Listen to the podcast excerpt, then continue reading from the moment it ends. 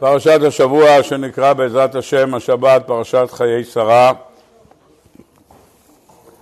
נקדיש את השיעור לעילוי נשמותיהם של החללים והחיילים השם ייקום דמם ולרפואת הפצועים ולהצלחת השבויים שיחזרו בעזרת השם כולם בשלום. פרשת השבוע היא פרשת חיי שרה עוסקת בהסתלקותם של שלושה גם שרה אימנו, גם אברהם אבינו וגם ישמעאל. שלושה, הסתלקותם של שלושה אנשים נמצאים בפרשה שהכותרת שלה היא חיים. והיו חיי שרה. אותו דבר יש לנו גם בפרשת ויחי. עוסקת התורה בהסתלקותם של שניים, יעקב אבינו ויוסף הצדיק, והפרשה נקראת בשם ויחי. אותו פרשה שהתורה מדברת על חיים ועל הסתלקותם של אנשים נקראת בתורה בלשון חיים. ללמד אותנו דבר ראשון שעיקר חייו של האדם זה לאחר 120 שנה. זה עיקר החיים שיש לאדם בעולם הזה, ולכן נקראים הפרשיות האלה בשם חיים. אנחנו אומרים, הרחמן יזכנו לחיי העולם הבא. שם זה עיקר החיים שיש לאדם. האדם חי כאן, קצובת חיים, כמה שהקדוש ברוך הוא נותן לכל אחד ואחד. ושהקדוש ברוך הוא ייתן לכל אחד ואחד עד 120 שנה בבר י"ג או נוער המעליה. אבל אדם, עיקר החיים שלו זה שם, רק נשלח לו לכאן כדי לתקן כמה תיקונים, כדי שלא נקבל נהמה דקיסופה, מה שנקרא בלשון רבותינו, שנקיים כאן מצוות ונקבל את השכר בעזרת השם לאחר 120 שנה. בפרשת השבוע פותחת הפרשה ויהיו חיי שרה מאה שנה, עשרים שנה, שבע שנים, שני חיי שרה. השאלה ששואלים דבר ראשון כל המפרשים, למה נאמר המילה ויהיו? המילה ויהי לשון צער, המילה והיה לשון שמחה. מה זה ויהיו חיי שרה מאה שנה, עשרים שנה, שבע שנים? אצל אברהם אבינו לא כתוב, כתוב ויהיו, אלא ואלה שני חיי אברהם אשר חי, מעט שנה ושבעים שנה וחמש שנים. אין שם ויהיו חיי שרה. אז תכתוב גם כאן, ותחי שרה מאה שנה, עשרים שנה ושבע שנים. למה ויהיו חיי שרה? זה השאלה. חז"ל הקדושים, רש"י מביא חלק מהדברים, אומרים לנו רבותינו שהיות ונסמכה פרשת השבוע לעקדת יצחק, בסוף הפרשה הקודמת קראנו על עקדת יצחק, ועקדת יצחק היה אחד הסיבות לפטירתה של שרה אימנו, כמו שרש"י מביא בשם חז"ל, שאמרו לה, בישרו לה על העקידה ועדיין לא הספיקו להגיד לה שהוא לא מת, פרחה נשמתה.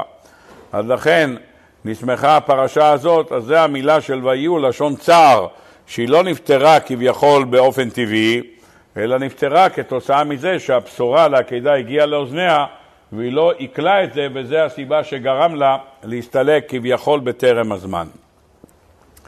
האור החיים הקדוש מביא שני תירוצים. האור החיים הקדוש, תירוץ אחד אומר האור החיים, שבאמת הסתלקה לפני הזמן.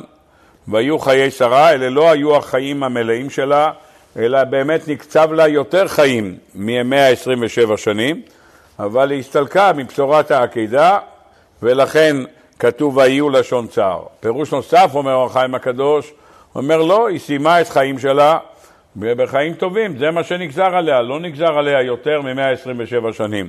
זה החיים שנגזר ברגע שהיא יצאה לעולם הזה, הנשמה שלה ירדה, נגזר עליה, כמו שחז"ל אומרים, שהקדוש ברוך הוא קוצב לכל ואחד ואחד את מניין שנותיו.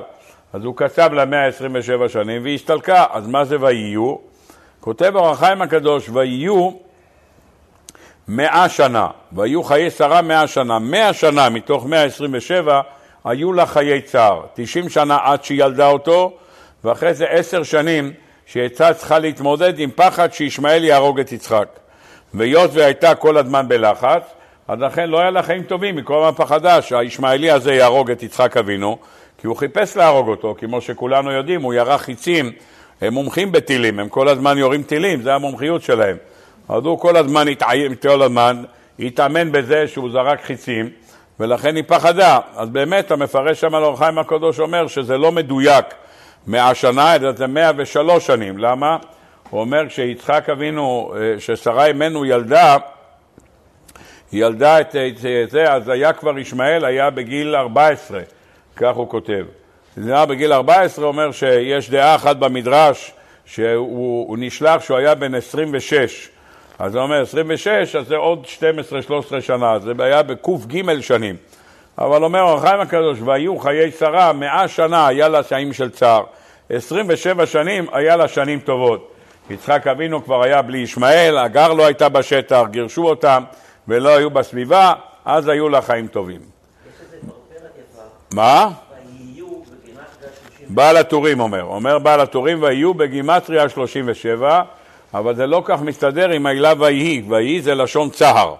אז אם היה כתוב והיה, זה מסתדר יותר עם הגימטריה. בעל הטורים כותב ויהיו בגימטריה 37, לומר ש-37 שנים היו לה שנים טובות, כך כותב בעל הטורים, ואותו דבר כותב בעל הטורים גם בפרשת ויחי.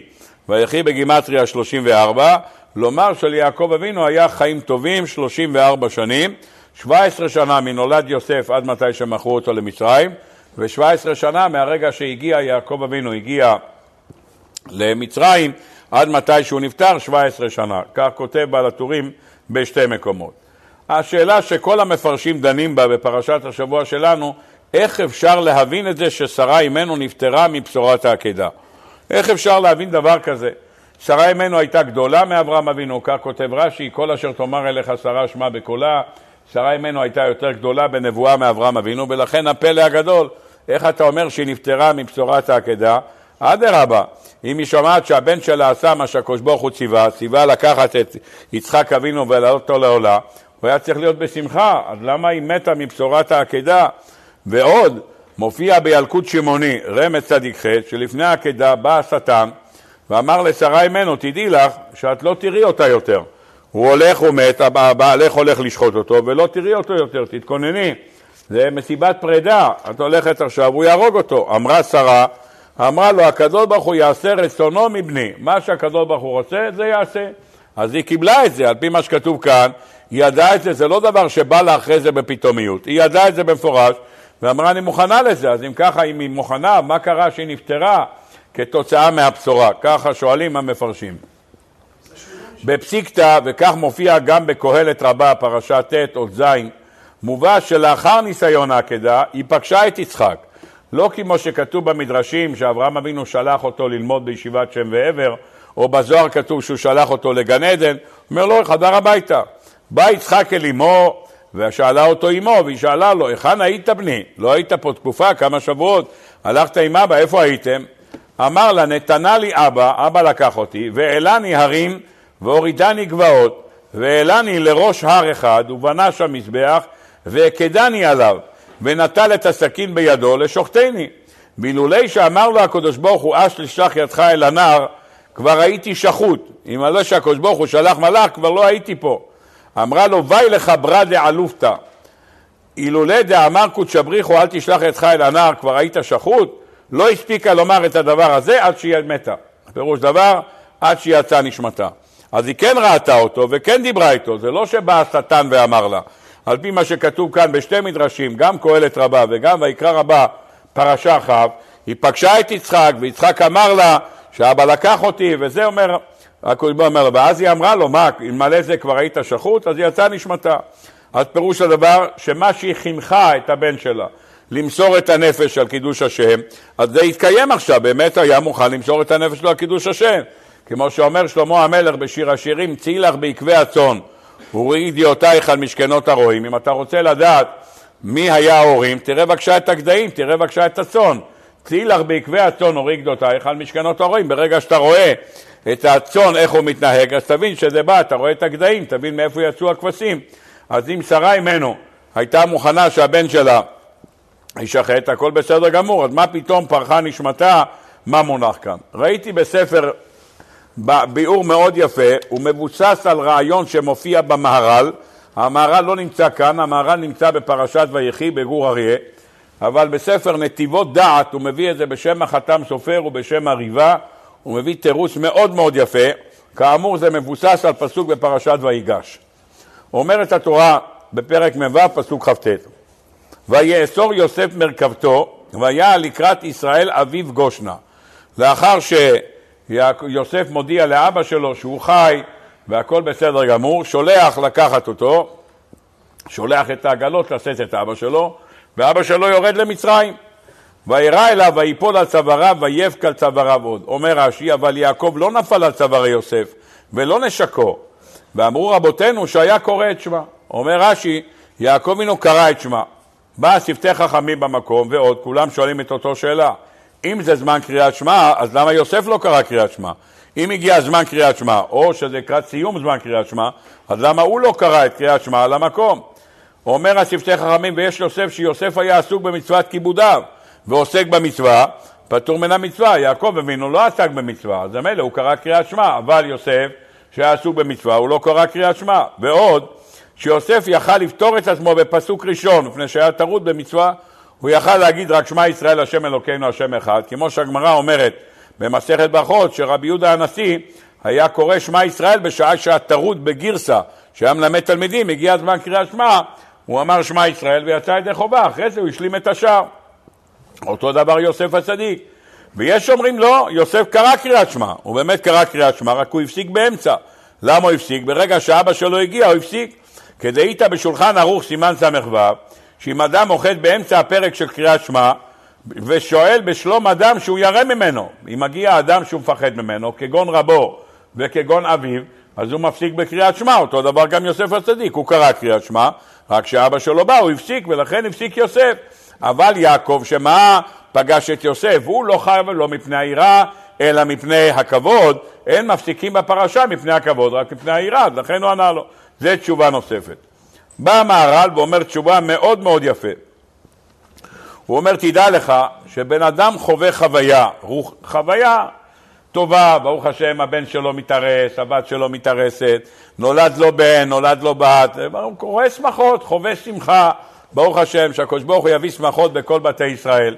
אדם מגיע לשעת שמחה, זה שעה של התרגשות. אדם, ברוך השם, זוכה לבן זכר, מתחתן, חיכה חמש שנים עד שנולד לו בן. הוא יושב פה במעייני הישועה או בתל השומר, לא משנה איפה, ואומר, ברוך השם, מבשרים לו, יוצאת המיילדת הרופא החוצה, אומר, אדון משה אומר, כן, בבקשה, מזל טוב, נולד לך בן, שלוש קילו ארבע מאות, אב גר עשר, הכל ברוך השם יוצא מן הכלל, שום בעיות, התינוק, ברוך השם, שיהיה לכם הרבה נחת. יופי, אתה יכול להיכנס לאשתך ואתה נכנס, אתה רואה את אשתך עם התינוק, אתה מתרגש, יש שיבכו, יש שלא יבכו, יש שיברכו הטוב והמתים, כל אחד יעשה את משהו, הלב שלך מתרונן, הלב שלך גבוה. נכון שאתה מתקשר ועושה תמונות ושולח לכולם בתפוצת נאט"ו, נסיך נולד ואתה עושה חגיגה. אבל למעשה, הלב שלך זה שעה של מה אשיב להשם כל תגמולי עליי. אתה כרגע נמצא בעידנא דחדבתא. אתה אומר, הקדוש ברוך הוא, כמה אני צריך להודות לך? ברוך השם, זכיתי להקים בית עם אישה טובה. אז הרגע הזה זה שעה של התעלות. אומר המהר"ל, מה קורה לבן אדם שמגיע לשעה של התעלות? ברגע שאדם מגיע לשעה של התעלות, הוא רוצה להעביר את זה לקדוש ברוך הוא. אומר, תודה רבה לך, אז כביכול בשעה הזאת אתה מרגיש כמה אתה חייב, כמו שאתה אומר, מה אשיב להשם כל תגמולו עליי, אתה רוצה לתת כמו כמה אני צריך לתת לך? אומר, ולכן מה? שבן אדם חווה חוויה קשה, שבסוף התבררה שהכל היה לטובה. אדם חווה איזושהי חוויה קשה, אני יודע מה, כל אחד ייקח איזה דוגמה שהוא רוצה, ובסוף התברר שהדוגמה הזאת שחשב שזה טרגדיה, זה לא טרגדיה, זה הדבר הכי טוב שיכל לקרות לו בחיים. אז מה הוא עושה? הוא בבת אחת אומר, ריבונו של עולם, איזה עיוור, איך לא שמחתי עליך שמה שאתה עושה הכל טוב, חשבתי מי יודע מה זה, ובסוף אני רואה שהכל נהיה לי טוב, אז הלב מתרומם עוד יותר. אומר הספר, גור אריאל המהר"ל, דבר נפלא. והדברים מושלמים עם דברי הרבי שמשון רפאל הירש. יעקב אבינו לא ראה את יוסף 22 שנה, 22 שנה שהוא לא ראה את הבן שלו. ואמר יעקב אבינו כי ירד אל בני אבל שאולה, אין סיכוי שאני ארד אותו. מה, איננו, נעלם. הוא מהנעדרים שאני לא יודע איפה הוא. ומה הוא חשב? הוא אומר, תשמע, אין, הקדוש ברוך הוא עשה לי כזה עונש. ואפילו פעם אחת הוא התבטא בשעה שהאחים חזרו בחזרה ממצרים ואמר, דיבר איתנו אדוני הארץ קשות, מה הוא אמר? הוא אמר לקדוש ברוך הוא, למה אתה עושה? למה נסתרה דרכי מהשם? ככה אמר יעקב אבינו. אמר הקדוש ברוך הוא, ככה הקדוש ברוך הוא אמר, לא ליעקב, אבל הוא אמר לפמליה של מעלה, שמעתם אותו? הוא אומר, למה נסתרה דרכי מהשם? אני עוסק בלהמליך בנו למלך, והוא אומר, נסתרה דרכי מהשם? אני, מה שאני עושה עכשיו, אני עוסק להעסיק עכשיו את הבן שלו למלך, והוא אומר, נסתרה דרכי מהשם? פירוש דבר, אבל הוא לא יודע, הוא לא רואה. אז אמר, נסתרה דרכי מהשם, אמר הקדוש ברוך הוא, איך נסתר? כל מה שאני עושה עכשיו, אומרת הגמרא, היה ראוי יעקב לרדת למצרים בשלשלאות של ברזל, ואני מוריד אותו בכבון גדול, הוא יורד עם כרכרות של פרעה, ויוצאים לקבל, ומכניסים אותו לפגישה אצל סיסי, אצל פרוי, מכניסים אותו שם לפגישה, ואומר לו מה, מעט ורעים, שמחה וששון אור ליהודים. אז מה הוא אמר? הוא ראה מצב של 22 שנים של, של, של אבל וכאב על אובדן בנו.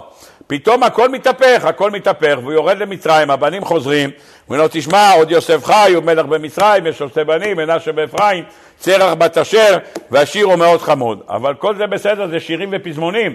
הוא רוצה לראות את זה ב live, face to face מה שנקרא, אני רוצה לראות אותו בפנים, לא בסיפורים. הוא מגיע למצרים ורואה את יוסף. ברגע שהוא רואה את יוסף, הלב שלו עכשיו מוצף. אז איך הוא אדם שהלב שלו מוצב? הוא יכול להגיד, או, יוס הלב, ומתחבק איתו. מה הוא עושה? הוא אומר, האהבה שלי שיש לי לבן שלי, ואהבת את השם אלוקיך בכל לבבך ובכל נפשך, כמו שמה נותן לך את כל הרוח שלי ואת כל הנפש שלי, את הכל אני נותן לך. זו המידה הנפלאה שיש ליעקב אבינו, שמסר את הכל לקדוש ברוך הוא. אומר הרשע הירש דבר נפלא, מה הוא אמר קריאת שמע?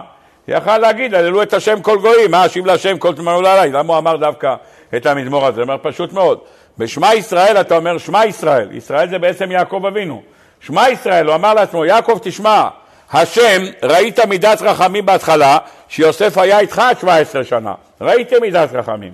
עכשיו יוסף הלך, לא היה לך 22 שנה, אז ראית מידה שנקראת בשם אלוקינו, ראית מידת הדין. אבל תזכור יעקב, השם אחד, הכל הוא הקדוש ברוך הוא, הכל זה מידה סור רחמים. אז יעקב דיבר לעצמו, אמר, שמע ישראל, יעקב תשמע מה קורה, ראית השם, ראית שם הוויה, ראית רחמים. אחרי זה ראית הקצבה של מידת הדין, אבל תדע שהשם אחד. אמרת למה נסתרה?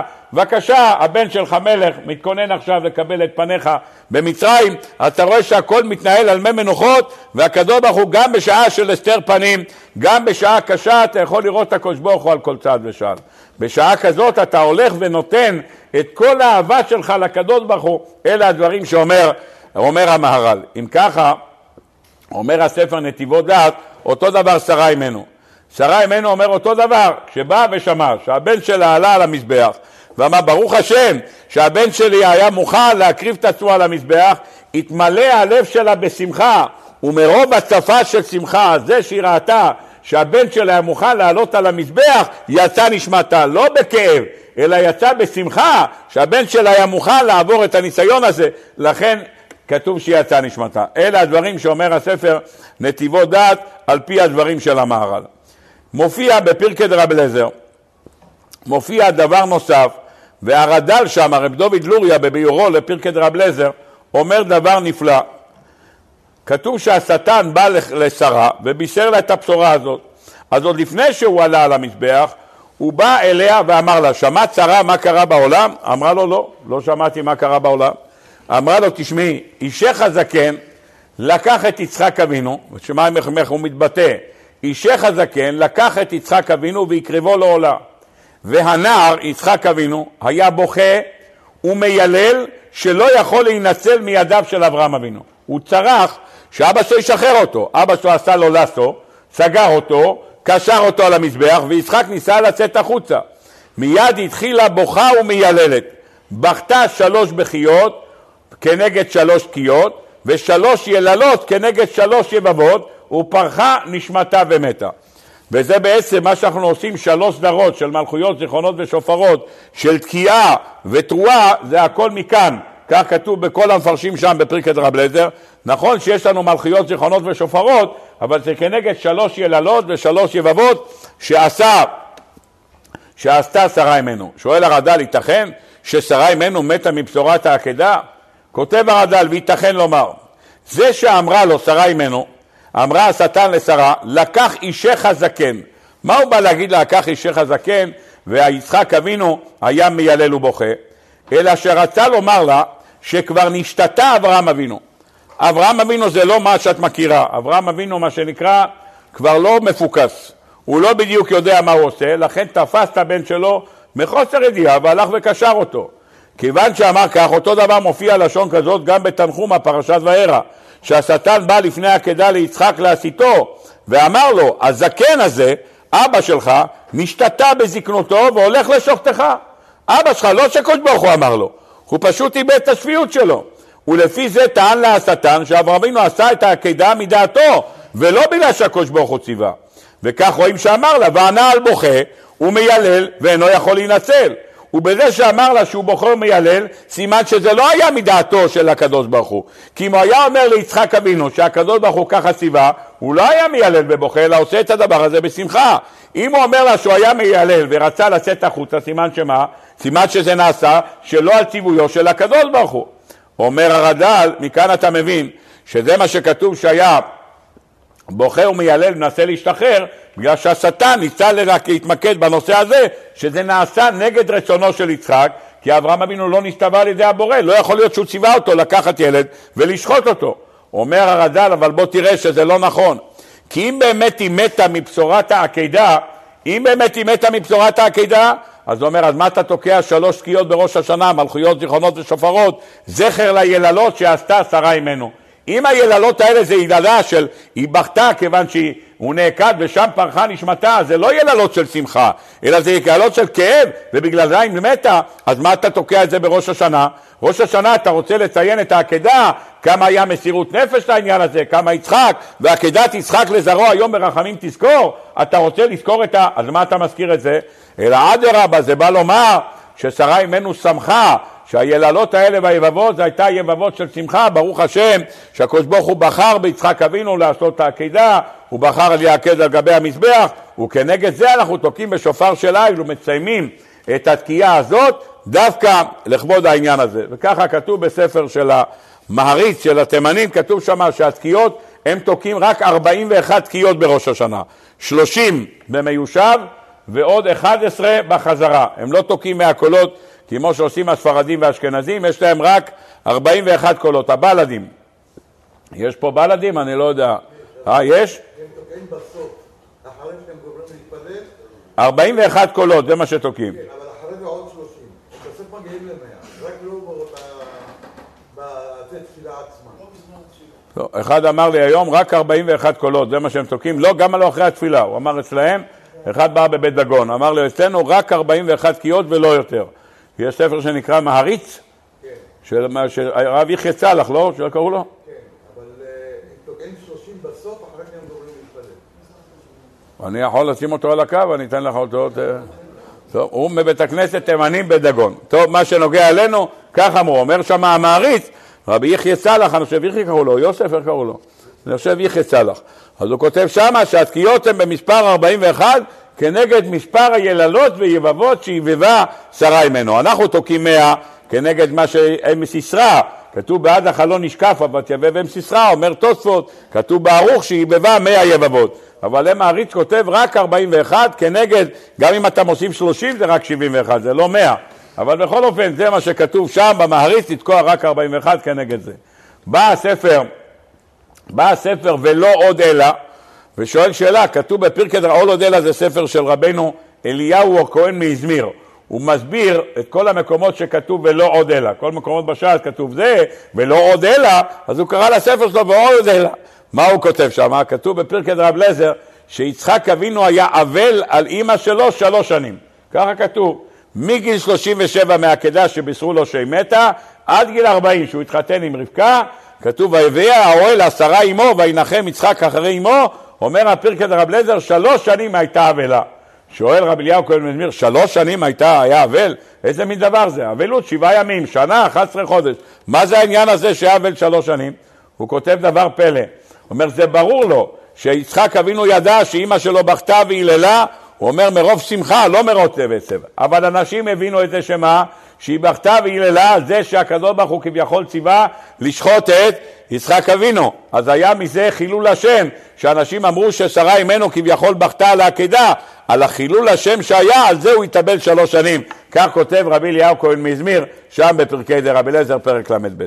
למדנו כאן פירוש נוסף על העניין של שרה אימנו. בא אמר זו, ואומר פשוט מאוד, מזה אתה רואה שתוקעים שלושה סדרים של מלכויות, זיכרונות ושופרות, ותוקעים בשופר של עין, מזה אתה לומד את הדבר הנפלא הזה של מה?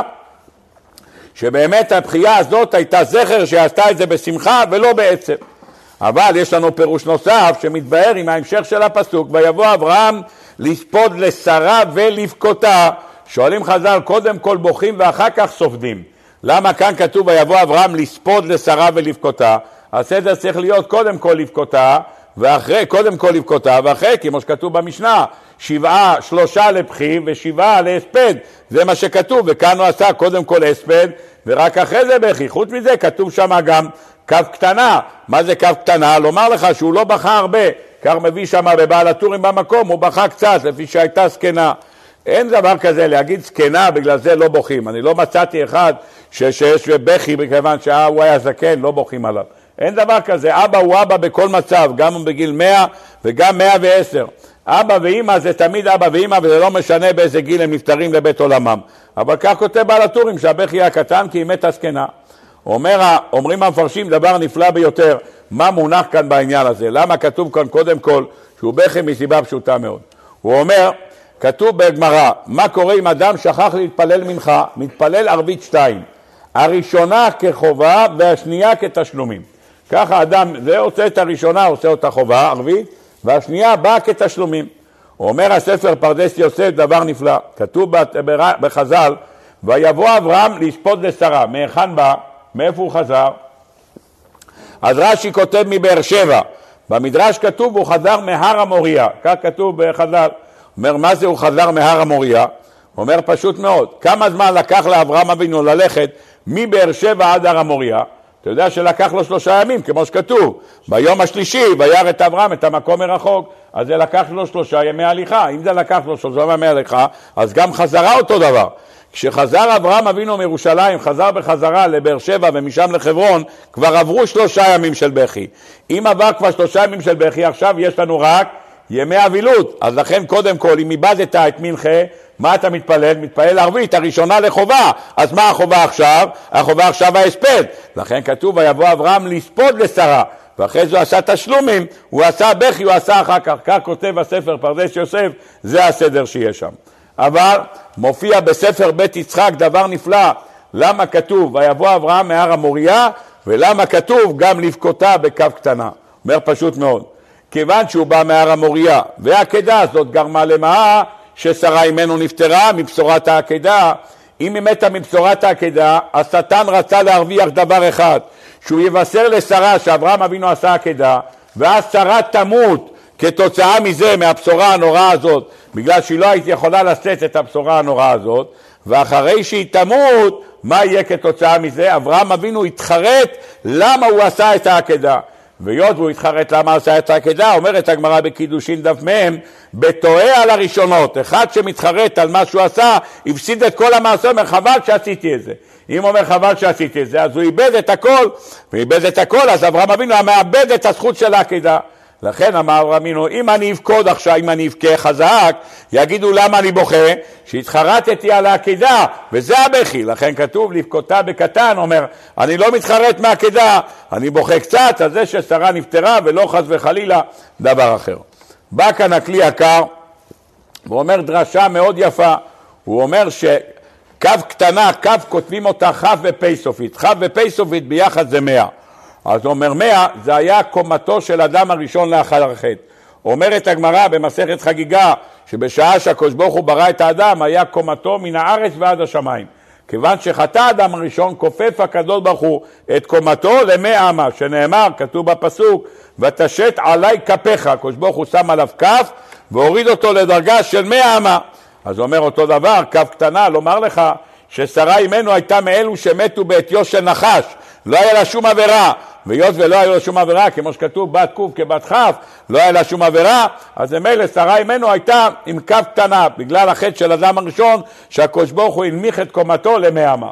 תירוץ נוסף אומר הכלי יקר, כתוב בגמרא, במסכת סנהדרין, דף כ"ב, שאדם שמאבד את אשתו, רחמנא ליצלן, אשתו הראשונה, כאילו נחרב בית המקדש בימיו, כך אומרת הגמרא. ממילא הוא אומר, כתוב בתורה, ויבוא אברהם לספוד לשרה, את ההספד הוא עשה לשרה. שואל הכלי יקר, אם ככה צריך להיות כתוב, ויבוא אברהם לספוד ולבכות לשרה. למה יש הפסק? ויבוא אברהם לספוד לשרה ולבכותה. משמע שההספד היה לשרה, והבכי היה למשהו אחר. זאת אומרת, לספוד לשרה זה על שרה אימנו. הבכי שהיה לו זה על זה שהוא, מה שחז"ל אומרים, שכל מי שאבד את אשתו, כאילו נחרב בית המקדש מהים, אז לכן הוא בכה, הבכי היה על החלק של בית המקדש שנחרב, זה החלק שלו, כך כותב הספר כלי יקר.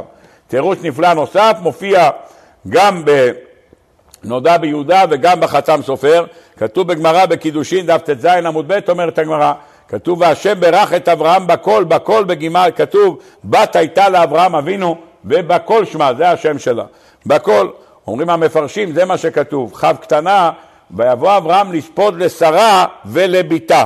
מה זה לביתה? בת הייתה לו שקראו לה בכל, אז הוא בכה עליה, למה? כיוון שכל זמן, כותב, כותב הנודע ביהודה, כל זמן ששרה אימנו הייתה חיה, אז היא ניחמה אותו כל הזמן על הבת שנפטרה. אבל ברגע שהיא נפטרה, עכשיו הוא נשאר לבד בלי שום דבר, עכשיו גבר הבכי גם על הביתה. אז לכן כתוב ויבוא אברהם לספוד לשרה, עליה הוא ספד רק, עליה הוא לא בכה, כמו שאומר בעל הטורים שהיא הייתה זקנה, אבל מה הוא כן בכה? הוא בכה על החלק הזה שהבת שלו איבד אותה, ולכן כתוב ויבוא אברהם לספוד לשרה, הספד היה על שרה, ולבכותה הייתה על הבת הזאת שבכל שמה, כך אומר הנודע ביהודה והחתם סופר. אני רוצה ברשותכם להיכנס לנקודה נוספת וקצת להרחיב בה, לא הרבה, אבל לפחות כמה דקות נלמוד אותה. ויבוא אברהם לספוד לשרה ולבכותה. מה ההספד שאמר אברהם אבינו? אמר הספד. מה ההספד שהוא אמר? שמעתי פעם מהרב שך זצ"ל, אמר דבר מאוד יפה, הוא הספיד מישהו, הוא אמר, כתוב ויבוא אברהם לספוד לשרה ולבכותה, שואלים חז"ל מהיכן בא? רש"י כותב מבאר שבע. המדרש אומר חזרה מהר המוריה. חזרה מהר המוריה. אמר הרב שך ויבוא אברהם לספוד לשרה, הוא אמר לכולם, לכל המשתתפים בהלוויה. אומר, אתם יודעים מאיפה אני בא עכשיו? אני בא עכשיו מהעקידה, אני בא מהר המוריה.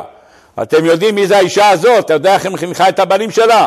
שאני בא עכשיו מהעקידה והוא אמר לי, אבא, תקשור אותי חזק, שאני לא יזוז, שלא ייפסל הקורבן, ופשט את צווארו על גבי המזבח כמו יונה, כי הוא פשט צווארו אחורה, אומר אבא תקשור אותי חזק שאני לא יזוז והקורבן לא ייפזל וכי יונה ברגע שאתה מזיז לה את הראש אחורה היא לא מתנגדת.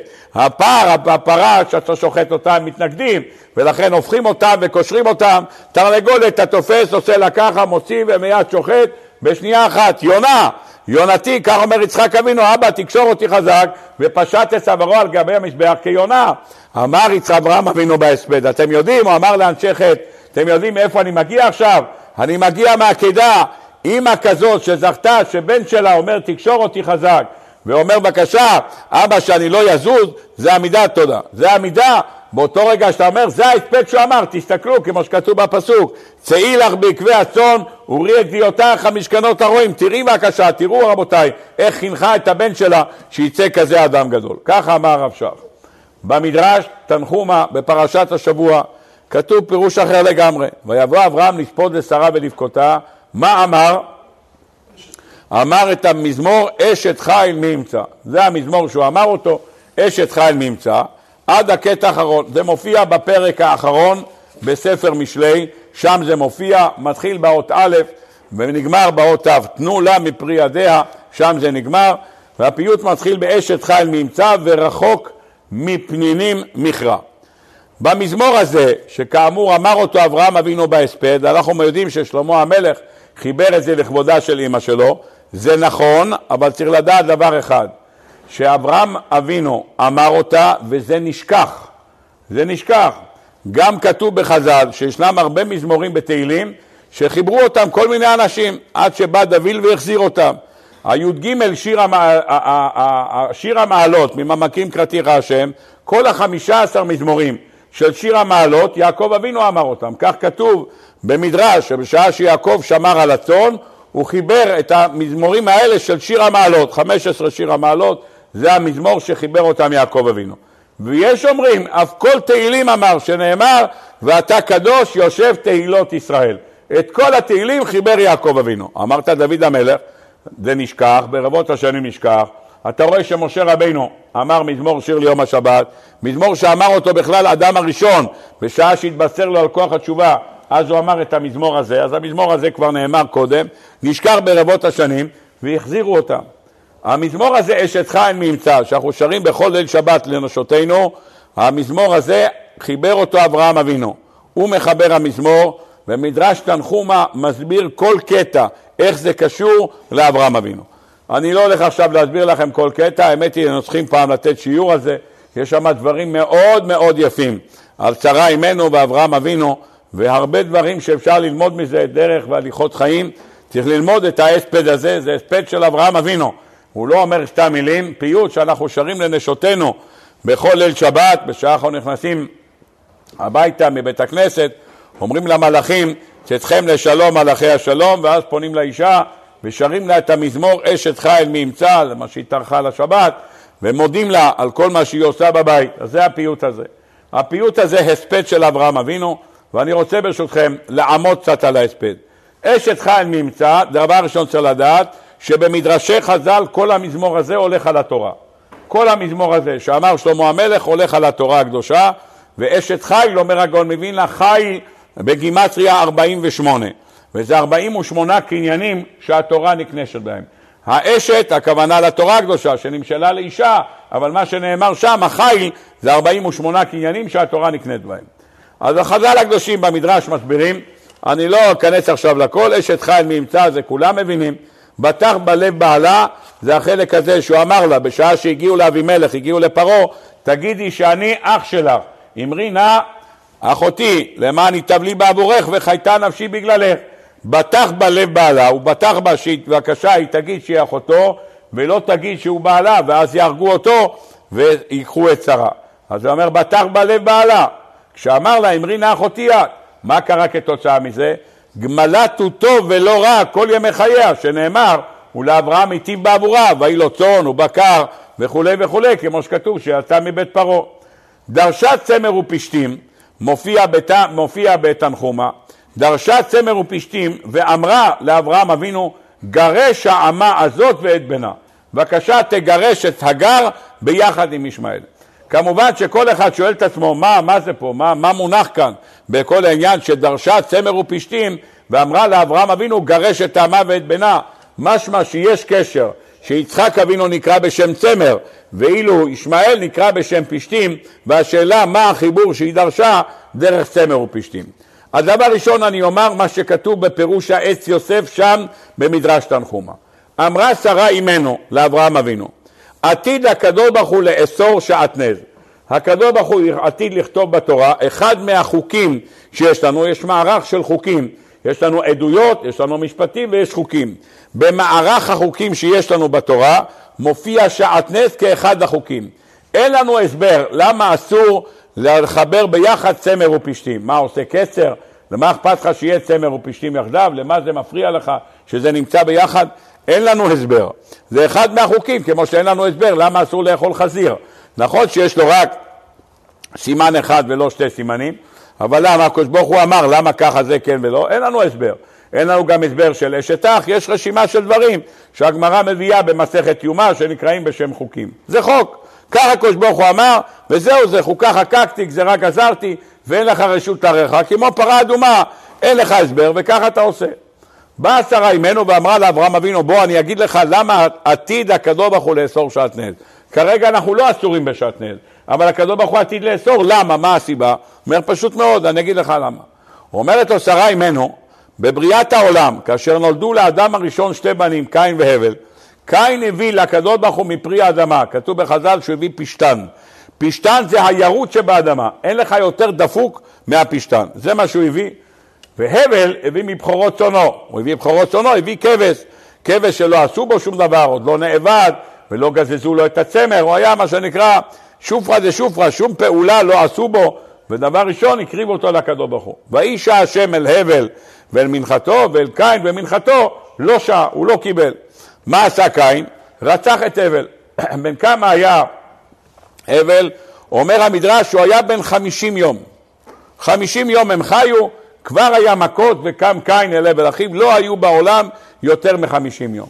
ככה כתוב בחז"ל, למרות שיש דעה אחרת במדרש, אם אני לא טועה כתוב, שהם נולדו בראש השנה, כך הם נולדו, האדם הראשון נברא בראש השנה, אז הם נבראו בראש שנה, אם הם נבראו בראש שנה, או אחרי ראש השנה, לא באותו יום, יש דעות ככה, יש דעות ככה, ושהו עד חנוכה, יש גם דעה כזאת עד חנוכה. מראש שנה עד חנוכה, כידוע לכולם, יש לך קצת יותר מחמישים יום, אבל פחות או יותר בסביבה הזאת של חמישים יום, כי חנוכה זה בכ"ה, אם אתה מתחיל מראש חודש חשוון, אז יש לך יש לך 55 ימים, אז זה מה שנקרא קצת יותר, זאת הסביבה. טוב, אמרה לו, אמר הקדוש ברוך הוא, הרצח הראשון בבריאה היה סביב מה?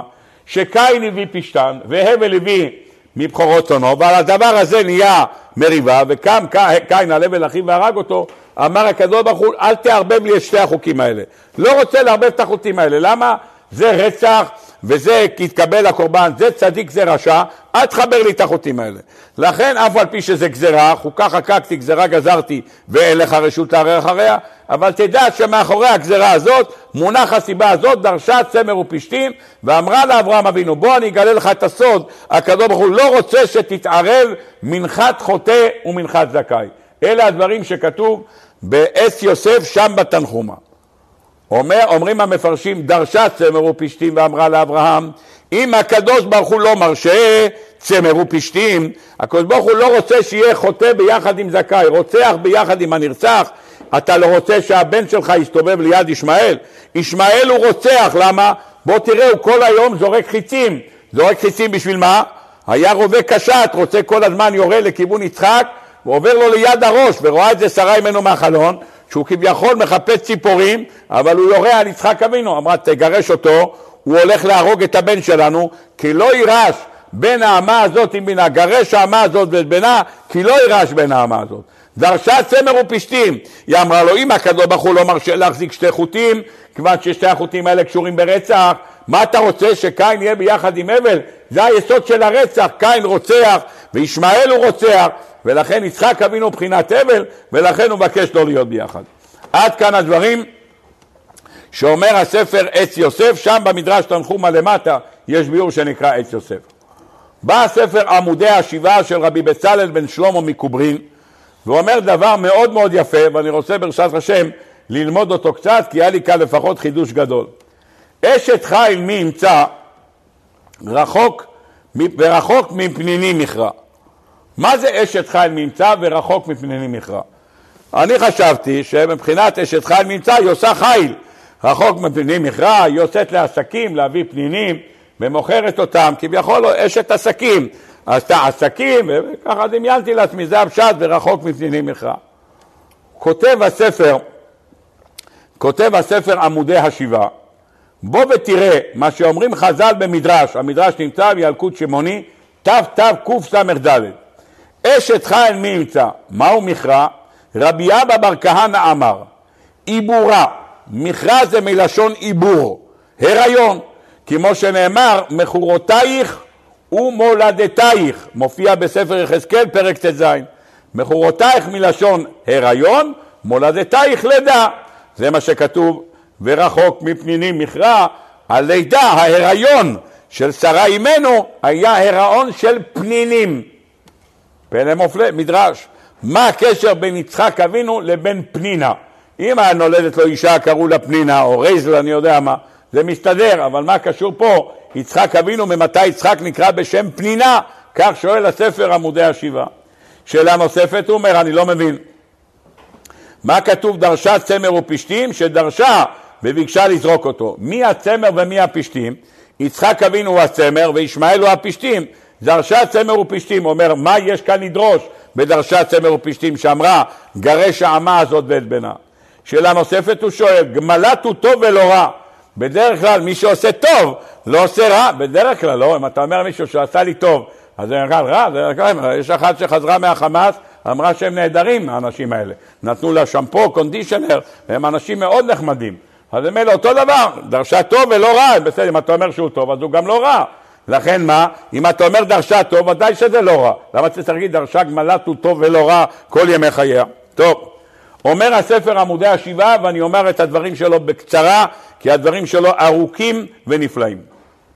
דע, כי קין והבל, מהם יצאו כל העולם. כל העולם יצא מקין והבל. איך יצא כל העולם מהבל? הרי הבל מת אחרי חמישים יום. איך יצא? כי הנשמה של הבל יצאה ונכנסה בתוך שת. שת, כמו שכתוב, קרא לו שת, כי שת לי אלוקים זרע אחר, תחת הבל אחיו, כי הרגו קין. הבל נכנס בתוך שת. ולכן כתוב בספר הגלגולים, שמשה רבינו שהיה גלגול של הבל, קוראים לו משה. למה משה? כי משה זה משה שת הבל. אלה שלוש נשמות, התחיל בהבל, עבר לשת, נהיה משה רבנו.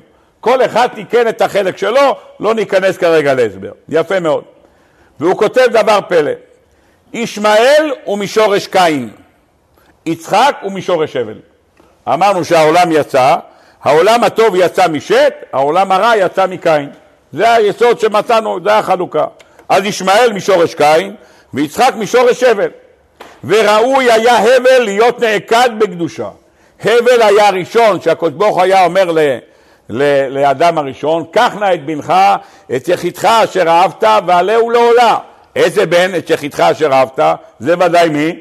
זה ודאי הבל, זה הילד שלו. הקדוש ברוך היה מצווה אותו לשים אותו על המזבח ולהקריב אותו.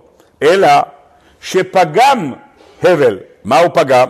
כתוב בחז"ל בשעה שירדה אש מן השמיים ואכלה את הקורבן, הבל זן את עיניו מן השכינה. הוא הסתכל כיצד השכינה יורדת על הקורבן שלו ואוכלת אותה. באותו רגע שהוא ראה את השכינה, כתוב כי לא יירני האדם וחי, נגזר עליו עונש מיתה, אז הוא כבר לא יכל לחיות. אם הוא לא יכל לחיות, אז לכן בא קין אל הבל אחיו והרג אותו. אם לא היה לו שום עבירה, הוא לא היה מצליח לפגוע בו. אם הוא פגע בו, סימן שיש עבירה. מה העבירה שיש לו? שהוא זן את עיניו מן השכינה. היות והוא זן עיניו שכינה, אז צריך תיקון. מה בא? יצחק אבינו בא לתקן אותו. למה? כי אתה אומר שיצחק אבינו מהשורש שלו. יצחק אבינו היה אותו בעיה. למה? בשעה שהוא שכב בעקידה על, על המזבח, הוא שכב, כתוב שהשמיים נפתחו, והקדוש ברוך הוא הראה למלאכי השרת את יצחק אבינו, ובאותו רגע שהוא הסתכל בשכינה, אז מה קרה לו? הוא התעוור, זה לקח הרבה זמן עד שהוא התעוור, בהתחלה לאט לאט, לאט לאט טושטש לו, יש כאלה שאומרים שזה קרה כתוצאה מהבכי של המלאכים, המלאכים בכו ונכנס לו בתוך העיניים כמו שאומר רש"י, אבל צריך לדעת שאם לא היה מגיע לו, לא היה נכנס לו דמעות של המלאכים, יש בשמיים מרזבים כדי להסיץ את הדמעות לצינור בצינור המקום צדדי, אם זה ירד לו לתוך העיניים, סימן ששם זה היה צריך לראות, למה? כי הוא זן את עיניו מן השכינה. מי תיקן את זה? יעקב, משה רבנו תיקן את זה, איפה? קדוש ברוך הוא נגלה אליו בסנה, קדוש ברוך הוא קרא לו מתוך הסנה, מה עשה משה? ויסתר משה פניו כי ירא מהביט אל אלוקים, הוא לא הסתכל על הקדוש ברוך הוא, הוא לא הסתכל אז הוא תיקן את זה, את יצחק אבינו ואת, ואת הבל, כך כתוב בדברי רבותינו. אומר הספר עמודי השבעה, בן כמה היה, בן כמה היה יצחק אבינו שהוא נעקד? הוא היה בן 37 שנים, 37 גימטריה הבל הבל, גימטריה 37, ל' זה 30, ה' וב' עוד 7, גימטריה הבל. דאגנו שהבל היה אמור להיות הקורבן הראשון ולא היה כי הוא זן את עיניו מן השכינה ונז... ומה נפסל לקורבן, מי עלה במקומו? יצחק אבינו, בן כמה הוא היה? בן 37, יפה מאוד. אומר הספר עמודי השבעה, וקין והבל היו תאומים ונולדו שניהם ברחמה של חווה וקין היה רע והבל היה טוב וברחמה של, של, של חווה היה כלאיים, אחד טוב ואחד רע. לדבר שטוב ורע ביחד אין לזה קיום, זה דבר שהוא לא טוב. למה? כי צדיק הוא צדיק ורשע הוא רשע ולעולם לא יהיו ביחד. כי מין בשאינו מינו חוצץ ונקרא כלאיים. זה לא מתחבר ביחד, צמר ופשתים יחדיו. יעקב הוא בחינת, סליחה, יצחק בחינת צמר, ישמעאל בחינת פשתים, זה לא מתחבר. ולכן כשראתה שרה את בן הגר המצרית משחק, אין צחוק אלא אבוי דזור, גילו הרע שפיכות דומים, בוודאי אין זה ממין בני יצחק, זה לא אותו דבר. ולכן מה? הם לא יצליחו להיות ביחד. אמרה שרה אמנו, גרש את המוות בנה שלא יתחבר. למה? כי הבן של יצחק הוא אדם נקי וצדיק, למה? כי הוא מזרע הבל, וזה כמזרע קין, הם לא מתחברים ביחד. לכן היא אמרה דרשה צמר ופשתים שמה? שיצחק אבינו בחינת צמר, וישמעאל בחינת פשט, פשתים, שלא יתערב ביחד. אם ככה אמרה דרש גרש את האמה הזאת, למה? לפי שדרשה צמר ופשתים בין יצחק לישמעאל, ואמרה תורה שלא יתערבבו ביחד, לכן אמרה גרש את האמה הזאת. עד כאן ההקדמה של הספר, של הספר עמודי השבעה. וכאן הוא ממשיך דבר נפלא ביותר, אני אומר את זה בעזרת השם בקצרה. אומר הספר עמודי השבעה, היוזמה לקחת את הגר ולתת אותה לאברהם אבינו, זו יוזמה של שרה אימנו. היא אמרה לו בבקשה, הנה שפחתי, קח אותה, וייבנה גם אנוכי ממנה. אברהם אבינו לא אמר לשרה, אנחנו כבר לא נפקדים הרבה זמן, הם כבר נשואים, אברהם התחתן איתה בן 25, כרגע הוא בן 85. אם הוא בן 85 מ-25, יש לך 60 שנה של עקרות. הוא לא אמר לשרה אימנו, בבקשה, תראי, אני אה, לא זכיתי לבנים, הבעיה אצלך, את איילונית, אז אני רוצה בעזרת השם להקים בית אחר. אברהם לא אמר את הדבר הזה. באה שרה ואמרה, בבקשה, קח את הגר ויבנה גם אנוכי ממנה. יפה מאוד. כך אמר ועשה דבר נפלא ביותר. אומר הספר עמודי השבעה. מה פתאום היא אמרה את זה? לפי ששרה הייתה זכה וטהורה מתחילתה. אברהם אבינו בא בן של תרח, תרח היה עובד עבודה זרה, ולכן היה לו פסולת של עובדי גילולים, מה שנקרא בלשונו של הארי הקדוש סיגים, כך זה נקרא סיגים. שרה לעומת זה הייתה טהורה לגמרי, כך הוא כותב. גמלת הוא טוב, היא הייתה כל כולה רק טוב ולא רע, לא היה לו תערובת של רע, היא כל כולה היה טוב. והסיגים של שרה אימנו, כותב עמודי השבעה, זה הגר, היא הסיגים. באה הגר ואמרה לאברהם אמינו, תשמע, אם אתה רוצה שיהיה לנו בן נקי בלי שום דבר, אתה צריך להוציא את כל הפסולת, את כל הסיגים שבאת מביתו של תרח, ולשים את זה אצל הגר, כי גם כן באה ממצרים. מה זה מצרים? מצרים, העבודה של מצרים היא פשטן כידוע לכולם, יבושי עובדי פשטים, זה המצרים אומרים חז"ל. אז לקחת בן אישה, היא הייתה מצרית, תיקח אותה ותוציא שם את הסיגים, אם תוציא שם את הסיגים, אז בעזרת השם הבן שייוולד לנו יהיה כולו טהור, וזה מה שהיא עשתה. באותו רגע שמה היא באה ביוזמה הזאת, אברהם הלך איתה. אברהם אבינו עשה את זה והתחתן בגלל שהיא אמרה. מה יש לנו כאן? היא אמרה קח אותה וכאן תצא הסיגים. שואל הספר עמודי השבעה שאלה מאוד יפה. אם כך הם פני הדברים, יש לי שאלה. מה השאלה שיש לו? אומר, אני לא מבין. למה צריך עכשיו להיוולד ישמעאל? למה? כתוב שברגע ש"ותענה השרה ותברח מפניה", בא מלאך ואמר לה אל תראי, כי גם זה אומר לה בא מלאך ואומר לה אל תדאגי, את תארי פעם נוספת והבן שלך יהיה ישמעאל. אם היא כבר הרתה, אומר רש"י, היא הרתה, ואז מה קרה אחרי שהיא הרתה? הפילה את עוברה. למה? כי שרה נתנה בה עין הרע.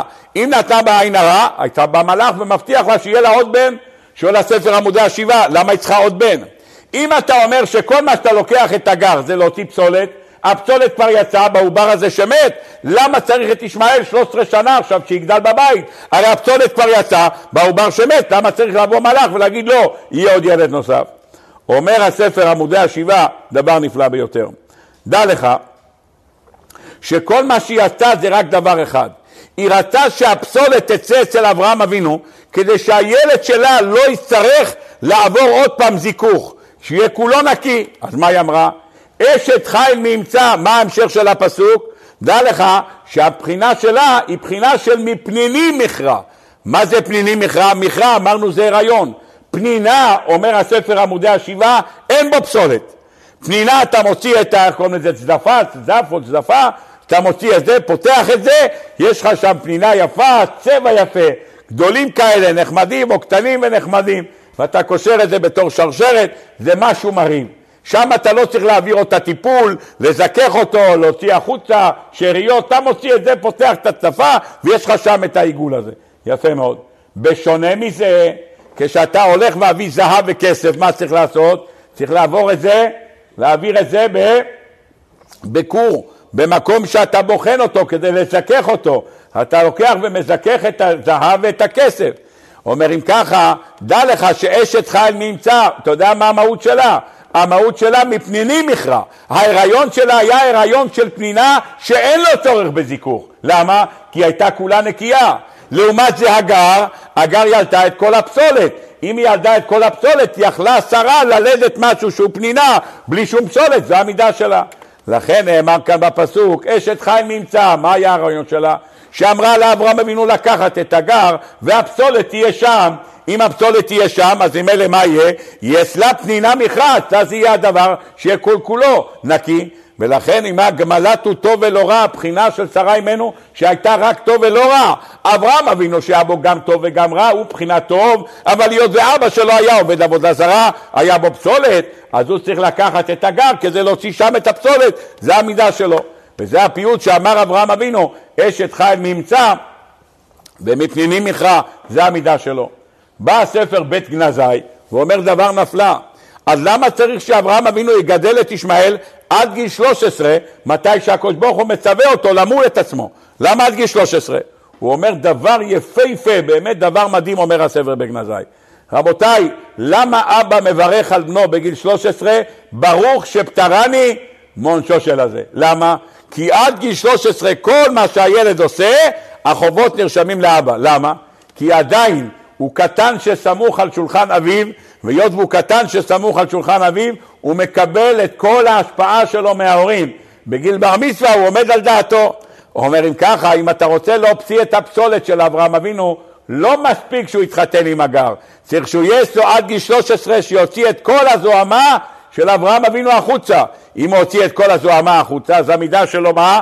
המידה שלו להוציא את עצמו נקי. לכן יצא אחרי זה יצחק אבינו שהיה נקי. מתי? שאברהם אבינו נימול. המילה שלו כבר הייתה אחרי שכל הזוהמה יצא החוצה. אומר לכן הוא נולד בגיל 86 ולא בגיל 60. את הגר לקחו בגיל 86. עוד 13 שנה זה 99. ב-99 היה באימולו בשר עולתו. אז יצחק אבינו נולד שהוא כבר היה נקי מכל השיאים. אז ממילא נולד בן כמו יצחק שהיה שלם. לכן היא אמרה בבקשה, דרשה צמר ופשתים ואמר בבקשה תפריד הרי כל מה שעשיתי שהשיגים יצאו אצל הגר דרשה צמר ופשתים ואמרה גרש האמה הזאת דמבנה אני לא רוצה את הכלאיים האלה לא רוצה זה עשיתי את כל העבודה. אם ככה יוצא שכל העבודה שלו מה הייתה? להוציא את ישמעאל דרך הגר ולהוציא ולהוציא את יצחק משרה שכולו יהיה נקי. אם ככה נוכל רק להבין עוד משפט אחד ובזה נסיים להיום בסייעתא דשמיא בפרשת תולדות שנקרא בעזרת השם בשבוע הבא כתוב שרבקה אימנו הרתה והראתה שבן אחד קופץ לעבודה זרה והשני קופץ לבתי כנסיות ובתי מדרשות. היא לא ידעה שזה שניים, היא חשבה שזה אחד. היא תלך לדרוש את השם. מה הלכה לדרוש? ותאמר אם כן למה זה אנוכי? מה גם זה אנוכי? כותב החידה בחומת תנ"ך. אמרה רבקה אני לא התחתנתי עם יצחק אבינו לא לקח קודם כל שבחה למרות שידעתי שיכול להיות שגים עוד מאברהם אבינו אם יש סיגים מאברהם אבינו, אז קודם כל כדאי שייקח שפחה, ושם יצא הסיגים, ואחרי זה אני אקשרב רבקה, אני אהיה כולה נקייה, וייוולד רק יעקב אבינו. ומה קרה? ותורם כן למה זה אנוכי? למה אני רק אני התחתנתי איתו? הייתי צריך לקחת שפחה כמו הגר, שיתחתן עם יצחק, ומזה ייוולד עשיו, למה צריך להיוולד ממני? וכומר אם כן למה זה אנוכי? אם הוא קופץ לעבודה זרה למה זה אנוכי? ויאמר השם לה שני גויים בבטנך ושני לאומים ממעייך ייפרדו טוב לך שאבד גם את עשיו לעולם. למה? כי על ידי זה, מי זה שתי גויים בבטנך, אומר רש"י, זה רבי ואנטונינוס. רבי ואנטונינוס, אנטונינוס זה אחד הגרים שהתגיירו מבני עשיו, חוץ מאונקלוס הגר, חוץ מרבי מאיר, חוץ משמעיה ואבטליון. כל הגרים שיצאו, רבי עקיבא, כולם בני גרים ששייכים לבני עשיו. אומר על זה אחידו, ומבני ישמעאל לא תמצא גר אחד. גר אחד לא תמצא בבני ישמעאל. שום גרים אין מהם. לכן מה?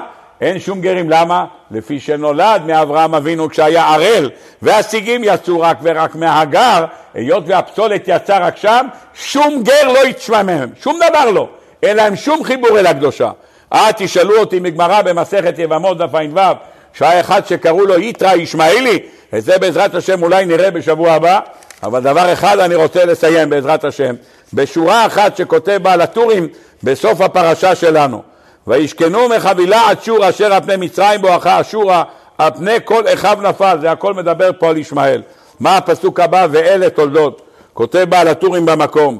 על פני כל אחיו נפל וסמך לתולדות יצחק. כלומר, כשיפול ישמעאל באחרית הימים, אז ישמח בן דוד מתולדת יצחק. יהי רצון שבעזרת השם ייפול ישמעאל, וזה אחרית הימים, ומזה בעזרת השם יבוא משיח צדקנו במהרה בימינו אמן. רבי חנניה בן הקשיא אומר רצה הקדוש ברוך הוא לזכות את ישראל, לפיכך בא להם תורה ומצוות, שנאמר, אדוני חופץ למען צדקו, ידי תורה ויאדיר.